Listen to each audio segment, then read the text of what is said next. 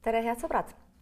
täna räägime Louis Freeh palkamisega seotud asjaoludest ja kuna Reformierakonna poliitik Jürgen Ligi tuli siia otse erikomisjonide kogunemiselt, on meil lootust saada kõige värskemat infot. tere tulemast, Jürgen Ligi! Rõõm teid näha üle pika aja. Teil ei olnud ilmselt üllatus, et Martin Helme nõunikud, keda te täna sinna komisjonidesse ootasite, teiega juttu ajama ei tulnud saan ma õigesti aru? alati saab ju loota paremat, et üldiselt on inimestel kohustus tulla, aga ja nemad on ähm, riigipalgalised. enamgi veel, nad on võtnud endale või neile on antud roll, äh, mis on suurem kui Eesti riigiaparaadil asjaajamisel olnud, nad on, nad on poliitnõunikena täitnud äh, ülesandeid, mida peaks teki, tegelikult täitma siis terve hulk riigiametnikke. Nemad ei tulnud, nende käest selgitusi pärida ei saanud, samamoodi on teile parem keskmist sõrme näidanud rahandusminister Martin Helme ise, kes tõsi küll, rahanduskomisjonist on korra läbi jooksnud. kui nüüd tänase seisuga kokku võtta, te kohtusite seal justiitsminister Raivo Aegiga ja välisminister Urmas Reinsaluga. mis võiks olla siis see uus info, mille te täna kogu selle asja juurest teada saite? noh, detailid kõik kinnitavad senist äh, infot ja, ja see, et rahandusminister tuli rahanduskomisjoni, seal pudenes kohe mitu valet, äh, mida siis täna sai kontrollida teistelt, teistest allikatest, noh näiteks, et, et ähm, taustauuring, mis lükkab ümber siis või, või ütleme, taustauuring mille tegi Välisministeerium koostöös Välisluureametiga, ütleb, et tegelikult siis Louis Freeh ei oleks tohtinud ei oleks tohtinud palgata ja, ja kõik need kolm äh, advokaadibürood, mis valiti, oli tegelikult halvad huvi, huvide konflikti tausta erinevatel põhjuste tõttu. Mm, huvide konflikt tähendab ju seda, et riigi puhul, et on äh, ohus julgeolek, maine ja ka lootus siis äh, saada efektiivselt kaitstud konkreetses asjas. Reinsalu on valitsuse liige, mida tal oli täna öelda teile selle kohta, et selline uuring on tehtud või selline taustauuring on olnud ja seda pole vähemasti siis eeldatavasti mõeldud kujul arvesse võetud? Reinsalu oli jutukas, püüdis jutu viia mujale, aga ta möönis, et taustauuring on, ähm, on tehtud ja, ja selle põhjal üksi ei oleks tohtinud äh, seda lepingut sõlmida Martin Helme üks vale, mida me siis täna saime kinnituse, tuli Rahandusministeeriumist, ütles, et et äh, Rahandusministeerium tegi põhjaliku äh, taustauuringu, mis lükkas Välisministeeriumi oma ümber. Noh, ma polnud siis kade, küsisin Rahandusministeeriumilt äh, seda põhjalikku taustauuringut. on see olemas? seda sisuliselt ei ole, nad viitavad sellele samale Välisministeeriumi eh, paberile kui oma abimehele, eks ole, et siis nagu Välisministeerium lükkas, lükannuks nagu iseenda eh, uuringu ümber ja osutavad asjasse mittepuutuvatele detailidele, nagu siis Louis Freeh eh, taustauuring hoopis USA teenistuses olles, et see nagu välistaks igasugused probleemid, noh, see on absurdselt teemast mööda juba teadaoleva mainimine ja, ja, ja sisuliselt üles tunnistas, et Martin Helme valetas. Nad ei uurinud mitte midagi. hästi, aga Raivo Aeg, ma sain, sain aru Delfist, jõudsin lugeda enne, kui me eetrisse läksime, et tema hinnangul sisuliselt ikkagi otseselt millegi vastu pole eksitud. kas äh, teil on, kas teil on anda mingit detailsemat infot selle kohta, mis ta siis täna kõneles? Noh, kui eel, eelmist lauset lõpetades, siis kõigepealt äh, leidis kinnitust, Helme valetas, nagu ta oleks teinud taustauuringu, nagu ministeerium oleks teinud, äh, tühjagi ei ole tema teinud, ta on ignoreerinud taustauuringuid ja Aegi puhul leidis kinnitust see, et et tema ei osalenud selle lepingu äh,, justiitsministeerium ei osalenud äh, lepingu ettevalmistamisel äh,. vastupidi sellele väitis siis Martin Helme ilmselgelt valetades Äh, nagu oleks siis see lepingu projekt saadud äh, Justiitsministeeriumilt, noh lihtsalt valetab, tuleb Riigikokku ja lihtsalt valetab. justiitsministeeriumis saime lepingusse, vaatasime kolm lehekülge siukest nadi teksti, äh, prokuröriga konsulteerides kahtlane, kas on info kaitstud, taolised asjad, mis on täpne tööülesanne, midagi oli seal veel joonelt, aga ja, ja siis küsisime teistest allikatest ja tuleb nagu muuseas, ei, meie ei osalenud, meie seda nägime seda kabinetiistungil, mis vastabki meie teadmisele.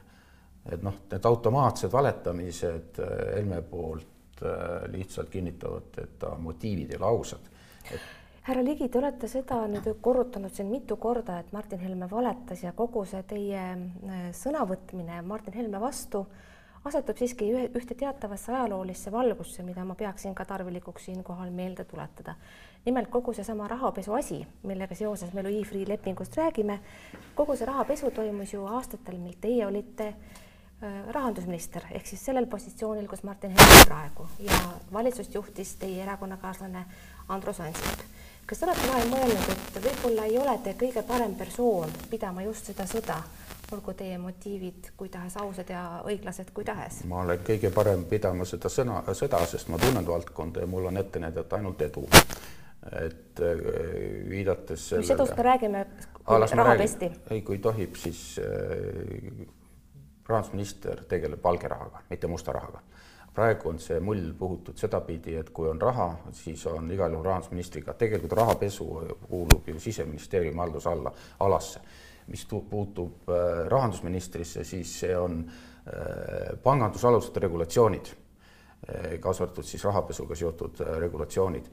Ja nende koha pealt, meil on selle koha pealt ka käinud läbi ajakirjandusest pealkiri, Eesti oli maailma kõige madalama rahapesuriskiga riik, regulatsioonide koha pealt, meenutan minu ametiaja lõpus, kaks tuhat neliteist, oli Eesti maailma kõige madalamaks hinna, rahapesuriskiga riigiks hinnatud koht regulatsioonide koha. faktiks jääb, et raha pesti. me räägime rahandusministri haldusalast me ei saa ju olematuks teha kõiki inimesi, kes sel ajal elasid, aga regulatsioonide koha peal oli asi täiuslik ja teiseks koha pealt äh, maailma parim pealkiri, ma võin seda tuua, Moneyvali uuring kahe tuhande neljateistkümnenda seisu. teate, see kõlab ei, nagu natukene irooniliselt. ei no teile kõlabki, aga kui te tahate ometi... vastust küsimusele, siis, siis räägime äh, mitte kõla, vaid äh, sõnadega. ja, ja, ja teine fakt on see, et see, kes tegelikult Danske peatas, oli ju FI FI ei ole otseselt rahapesu uurija, aga FI oli teine, Finantsinspektsioon teine, kes puutus siis Rahandusministeeriumi haldusalasse, teine vastutus, mis kuidagi haakub rahapesuga. ka seal me olime Euroopas regulatsioonides tunduvalt ees. rahapesu, kõigepealt öelda, et minu ajal kogu rahapesus on, see on nagu igati jällegi niisugune mull, sest et rahapesu, kuidas te, kuidas kogu rahapesu minu ajal, see on kogu rahapesu võis alga-, alati. Need kaasused, millest me siin praegu räägime, mida me peame silmas. tõele, isegi see algas ammu enne. Danske asjad, kogu see rahapesukultuur tegelikult algas ju tunduvalt varem. see on tegelikult, tegelikult juba enne Eesti Vabariiki olnud igal pool, aga Danske koha pealt on jäljed, mida siin äh, ju noh, kaks tuhat kaks, kaks tuhat seitse, sellest ajast peale on need, ma olen neid uurinud spetsiaalselt, eks ole, kuidas on siis, see on olnud Sampo ja teise nime all, kogu see mudel, ärimudel, millele ka FI enam või vähem tähelepanu juhtis, oli riskantne ja rahapesu äh, finantsjärelevalve on sedapidi, kas need ärimudeliga võetud riskid on maandatud pangasisese riskihaldusega. Ja me oleme tähelepanu juhtinud enne mind juba, rahandusministrid, FI-d et ebapiisavalt. see, mis, mis siis rahapesu kui nähtust ümber defineeris. me ei räägi rahapesust kui nähtusest, me räägime sellest, et kuni kahe tuhande neljateistkümnenda aastani olite te rahandusminister. ja, ja mul ja ma olen väga uhke, ma olen väga uhke, et minu haldusalas hakkab. Need Danske kaasused, mida me siin praegu silmas peame. Äh, lõpetati, mitte ei lõppenud, need ei lõppenud ise, need lõppesid äh, esiteks äh, FI auditiga, mille tulemused sain mina põhimõtteliselt kätte kaks tuhat neliteist ja teiseks äh, lõppes see sedapidi, et üldse sellist auditit sai teha, oli vaja, oli vaja siis FATF, mis on rahvusvaheline rahapesu äh, vastane organisatsioon, selleks, sellel oli vaja ümber äh, tõlgendada rahapesuriskid. see tähendab, et rahapesuriski ei vaadatud enne, et kas, kas kuritegu toimus, mille, mille raha siis pestakse, vaid seda hakati vaatama, kas pankades on maandatud Äh, rahapesuriskid ja FI saabki ainult, kas pankades on maandatud rahapesuriskid, ei ole kuriteo uurimine. et selles mõttes oleks võinud endist viisi otsa vaadata, äh, otsa vaadata prokuratuurile, siseministeeriumile, alati vastus see, et, et Venemaa ei andnud andmeid. et me, me, me sellega me aastaid leppisime ja sellepärast, et tõesti uurida ei saanud. Juhtumid algatati, peaaegu keegi süüdi ei jäänud, Venemaa ütles, et noh, vaikis. Aga, aga kaks tuhat neliteist kasutasime teise meetodiga, läksime Finantsinspektsiooniga auditeerima, see on loomulikult Finantsinspektsiooni tegevjuhtkond, mitte nõukogu, kes tegutseb iseseisvalt, aga, aga aga me teadsime, mis nad teevad ja, ja, ja selle koha pealt tuli ka strateegia muutus, finants. kas ikka teadsite, vot valitsuskomisjoni juures oli selline valitsuskomisjon nagu rahapesu ja terrorismi vastase võitluse komisjon ja see väidetavasti kogunes äh, kahekaalise arvu kordi. Teie seal enamasti kohal ei käinud, miks, kas te ei tundnud selle teema vastu üldse huvi? Ta ei olnud kindlasti finantskriisi ajal ei olnud ka rahvusvaheliselt põhiküsimus mitte kelle raha on pankades, vaid kas üldse on. meil oli rahandusminister kooses mingi, kuulus mingisse kahekümnesse komisjoni ja ma delegeerisin. Te ei jõudnud igale poole?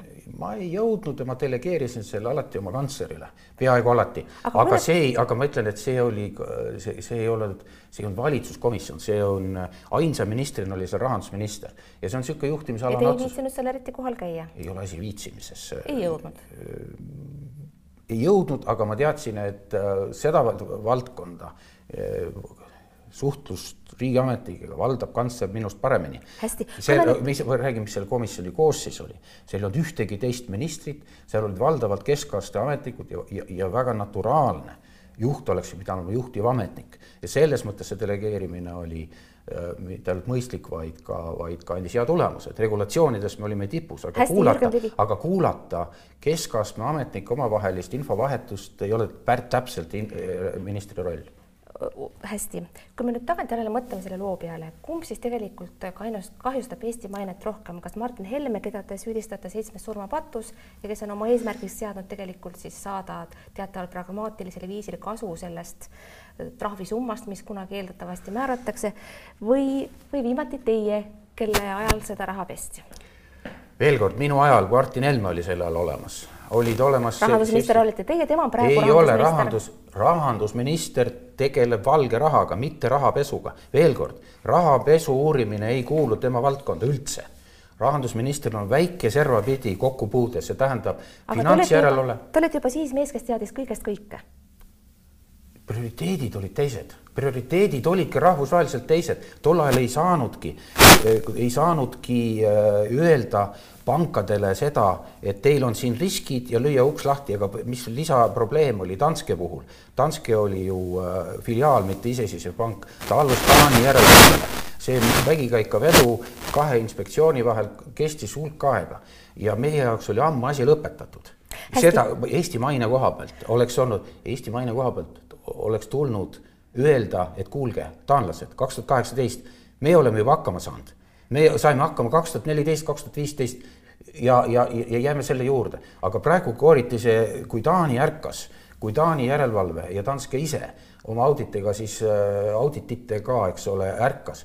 Siis võeti meil see, et, et ah, ah, teie ajal, hindamata kogu seda konteksti, kogu seda regulatsiooni, mis oli vahepeal muud, muutunud, kogu kontseptsiooni, rahapesu kontseptsiooni. mul on väga kahju, me päris kõikidesse detailidesse jõuame. no aga süüdistusele tuleb lasta vastata, see on, mainekahju on, on, on, on defineeritav sedapidi, et selle asemel, et valitsus oleks kaitsnud meid kaks tuhat kaheksateist, hakkas ta süüdistama eelmisi valitsusi kelle ajal oli teistsugune kontekst, teistsugune regulatsioon, aga hakkamasaamine väga hea. maine koha pealt, see valitsus sai meile, jäi regulatsioonides jalgu, kaks tuhat kakskümmend me saime rikkumismenetluse. me ei võta rahapesu direktiive üle, sellepärast et, et jaurab Martin Helme. Jürgen Ligi, ma pean tõmbama veel mõned ajaloolised paralleelid, ei saa parata.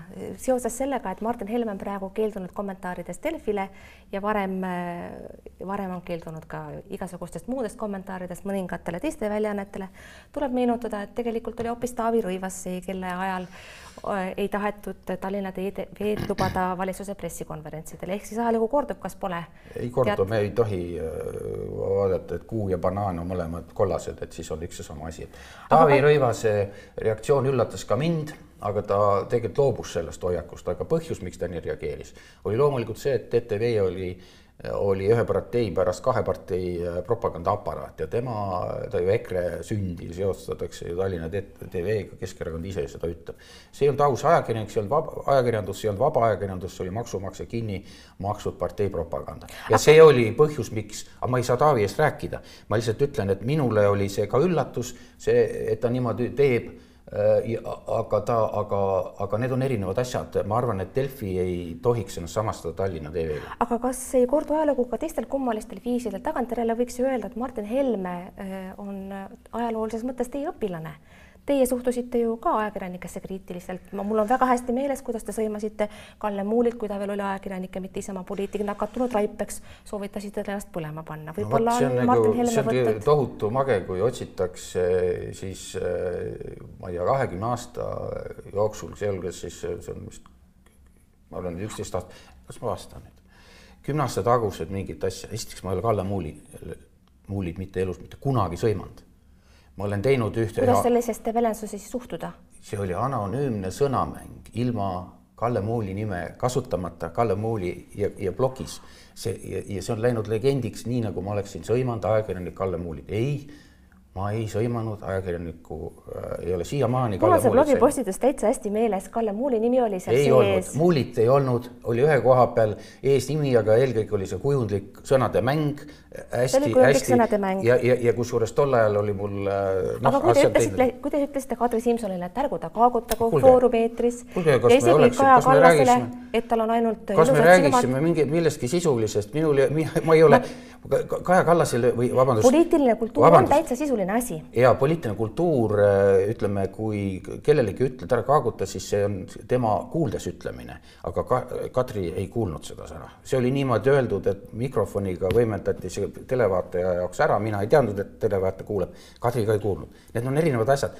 aga kas Kaja Kallas on teile tänaseks andeks andnud, mis te tema kohta ütlesite, et tal on need ilusad silmad alati kinnise suu kohal olnud, siis te ei arvanud veel, et temast saab erakonna esimees? ei, ma ei, mis ma arvan arvasin, no ma ei tea, kas see on üldse niisugune lame taga üksikute fraaside väljaotsimine, kui ühel on see et, et Martin Helme, kes regulaarselt ehitab oma poliitika sellistele asjadele ja minul otsitakse üle aastate mõningad ettevaatamised. Te olete ainus minister, kes on pidanud oma suuvärgi pärast tagasi astuma. ei ole jälle suuvärk, ärge nüüd pagan omistage, need on erinevad asjad. kuulge, me ei saa ühtegi, ühtegi poliitikut ega tema tegu hinnata, kui otsitakse ühel juhul võib leida päevas sellised peotäie selliseid aga näete, neid näiteid oli päris palju aastate need peale. Need väited ei ole ükski adekvaatne. Kalle Muulile ma ei öelnud seda, Kadri Simsonile ma ei öelnud, ma ei arvanud üldse, et keegi kuuleb.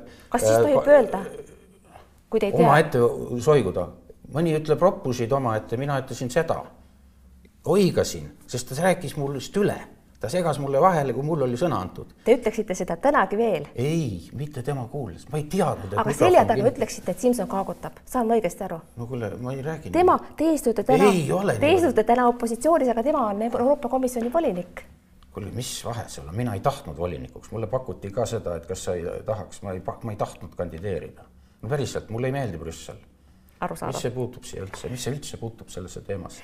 see puutub aastate... see puutub poliitkultuuri mõttes, et teatavas ei, mõttes võiks öelda Martin Helme on teie õpilane, seda ma pidasin silmas. see rehabiliteerib Martin Helmet kui te otsite üle pikkade aastate juhuslikke fraase hoopis teises kontekstis, üks mees räägib pidevalt ja sihilikult. ei saa parata, kõik asjad ei, on meeles. ja aga see on inetu selles mõttes, et Martin Helmele tuleb anda ikkagi poliitiline hinnang, kuna tema eh, otsibki endale vaenlasi, et minule, ma arvan, et iga südametunnistusega ajakirjanik teab, et ma ei ole ajakirjanikku vaenanud, ma ei olnud, et ma ei anna kommentaare, ma kogu aeg neid annan.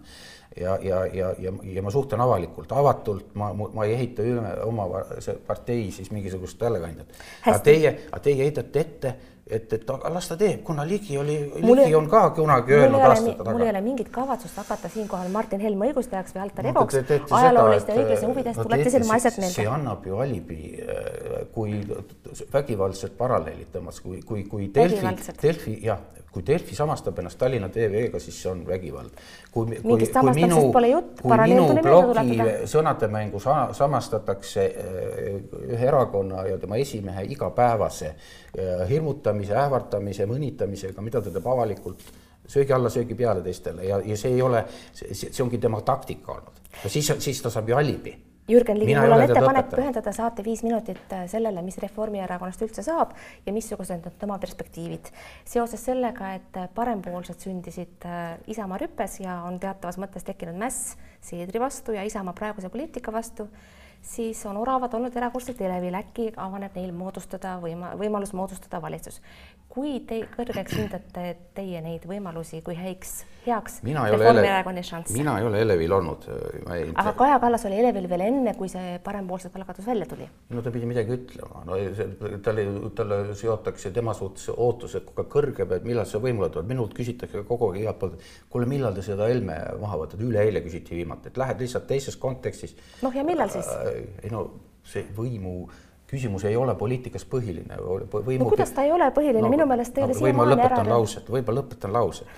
minu jaoks ei ole see, et millal tullakse võimule, minu jaoks on see, milleks võimu kasutatakse, kelle huvides, kas enda huvides, kas, kas mis tahes, mis tahes hinnaga võetakse, võetakse inimene maha või, või, või siis kas, kas ühe erakonna nii-öelda saatus, nagu te ütlesite, on, on see kas ta saab võimule, ei, minu jaoks ei ole see erakonna saatus on see, kas ta on parem, äh, kas tal on paremad mõtted, paremad argument, argumendid, kas ta teab rohkem ja kui ta on sel ajal opositsioonis, no siis on, no mis teha. aga see erikomisjonide äh, kokku, kogunemised ja külaliste kutsumised seal hakkavad juba farsiks muutuma. ma juba kujutan ette neid anekdoote, et kogunesid Jürgen Ligi, äh, Riina Sikkut, Kiisler ja kes seal veel paar tükki on ja istusid omavahel koos ja kedagi ei tulnud. no kaua te seal niimoodi käite koos ilma tulemuseta? meil on ka opositsioon või koalitsioon seal kohal, me dokumenteerime. täna te uut infot ikkagi oluliselt kaasa ei toonud. kuidas niimoodi? kuidas niimoodi, kui rahandusminister, kolm rahandusministri valet, ma kaks tükki lugesin üles, ma kolmanda. kolmas ei tule praegu meelde. ma vabandan, et mul ei tule joonelt, aga kui, kui Arusaada, kogu asja, kogu asja jutt on, et eh, kes sellise lepingu, kus selline leping ilmus? rahandusminister ütleb, et, et justiitsministeerium andis, vale ei ole andnud sellist asja. miks ei arvestatud äh, taustauuringut, mis ütles, et Freeh'ga ei peaks lepingusse minema? aga me tegime ise parema, see on üldse üks jama, see kontrollime kus on see teie uuring, seda pole, on viide sellele samale Välisministeeriumi uuringule ja muud taolised. on asjasse, küsin, küsin äh, Rahandusministeeriumist, ta esitab meile asjasse puutumatuid äh, kaasusi täiesti teemast mööda. see on kõik asjad, see ongi asjaajamise kultuur ja see, kas riigi, äh, riik on hästi valitsetud, kas ta, kas ta riskid on maandatud. ja see Aga ei ole see, kui teravalt keegi sõna, see ei ole küsimus retoorikas, see on, see on teema on sisus, samamoodi minu puhul. Omistada mulle mingisuguseid retoorilisi paralleele pikkade pikkade aastate jooksul igapäevase retoorikaga, mis on äh, kogu valitsemise sisu ja, ja stiil, see on häbematu. nii ei tohiks teha ma, mul on väga kahju, et ma käitusin täna teiega häbematult, aga ma tahaksin veel lõpetuseks uurida Reformierakonna plaanide kohta pikemas perspektiivis, kui lubate. Ehm, mul on tunne, et teie käitumine, terve erakonna käitumine on olnud teatavas mõttes reaktiivne ehk siis äh, suhtestunud sellega, mida valitsus teeb. Kus on värsked ideed, uued ettepanekud, noh, midagi säärast, mille pealt saaks konstruktiivselt edasi minna. Meie ei tööta eh, moetööstuses, kes peab kogu aeg nuputama, et see on mu pikaajaline sõnum olnud, tegelikult see ei jää erakondade tegevuses, aga aga riik on suhteliselt konservatiivne asi, on teatud teemad kogu aeg, eh, mida tuleb eh, käsitleda, kus tuleb tagasi ajada, tagada kvaliteet, kaasa arvatud see asjaajamiskultuur, mis peaks maandama riske, julgeolek, haridus palun väga, uus äh, idee materdati, kõik teised loobusid sellest ideest, eestikeelne haridus. aga, aga, aga põhimõtteliselt ei ole mina nüüd see, kes esitab teile üks, kaks, kolm. Peamine opositsioonipartei ülesanne on näidata, kus tema mõtted on targemad ja, ja, ja, ja see ei pea väljendama lihtsalt eelnõude tulistamises, meie eelnõud on kõik esimesel lugemisel kas maha hääletatud, mõne erandiga jäetud seisma. Ja, ja nendele tuleks tasu, tähelepanu pöörata, mitte selle peale nii palju, et, et, et miks te ei ole võimul. Jürgen Ligi, lõpetuseks tahaks ma küsida ka päevakajaliste uudiste taustal, meie südamed on praegu Valgevenes, me jälgime kõik väga tähelepanelikult seda, mis seal toimub.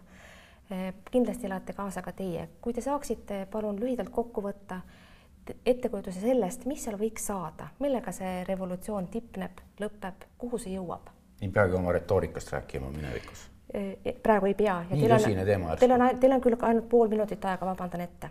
Eh, kuhu see lõpeb, me ju ei tea, diktatuurid, eh, kui vägivaldseks nad lähevad, aga diktaatoritel on ime ilmselgelt väga keeruline olukord praegu. kodaniku allumatus on läinud massiliseks ja sellises olukorras võimul püsida on raske. Putini abi oleks mõneti talle endale halb, tõenäoliselt äh, talle probleem ka Venemaal, sest äh, Valgevenega ollakse solidaarsed Venemaaga, Valgevene rahvaga. ja, ja, ja me kunagi ei tea, kui hulluks diktaatorite käitumine läheb, aga et see riik saaks endisena jätkata, igal juhul paljud asjad muutuvad, et, et äh, just seda jõudu, mis võtaks diktaatori maha seda on raske prognoosida, et seal on ikkagi jõuametkonnad vahepeal, seal on Venemaa ähvardus ja seal võib olla ka see, et inimesed kaotavad oma majandusliku baasi ja, ja võimaluse tänavale tulla, aga loodame, et nii ei lähe. Jürgen Ligi suur,, suur-suur tänu, et tulite stuudiosse, head sõbrad, aitäh, et te vaatasite, vaadake teinekord ikka jälle, mingu teile vahepeal hästi, kuulmiseni, nägemiseni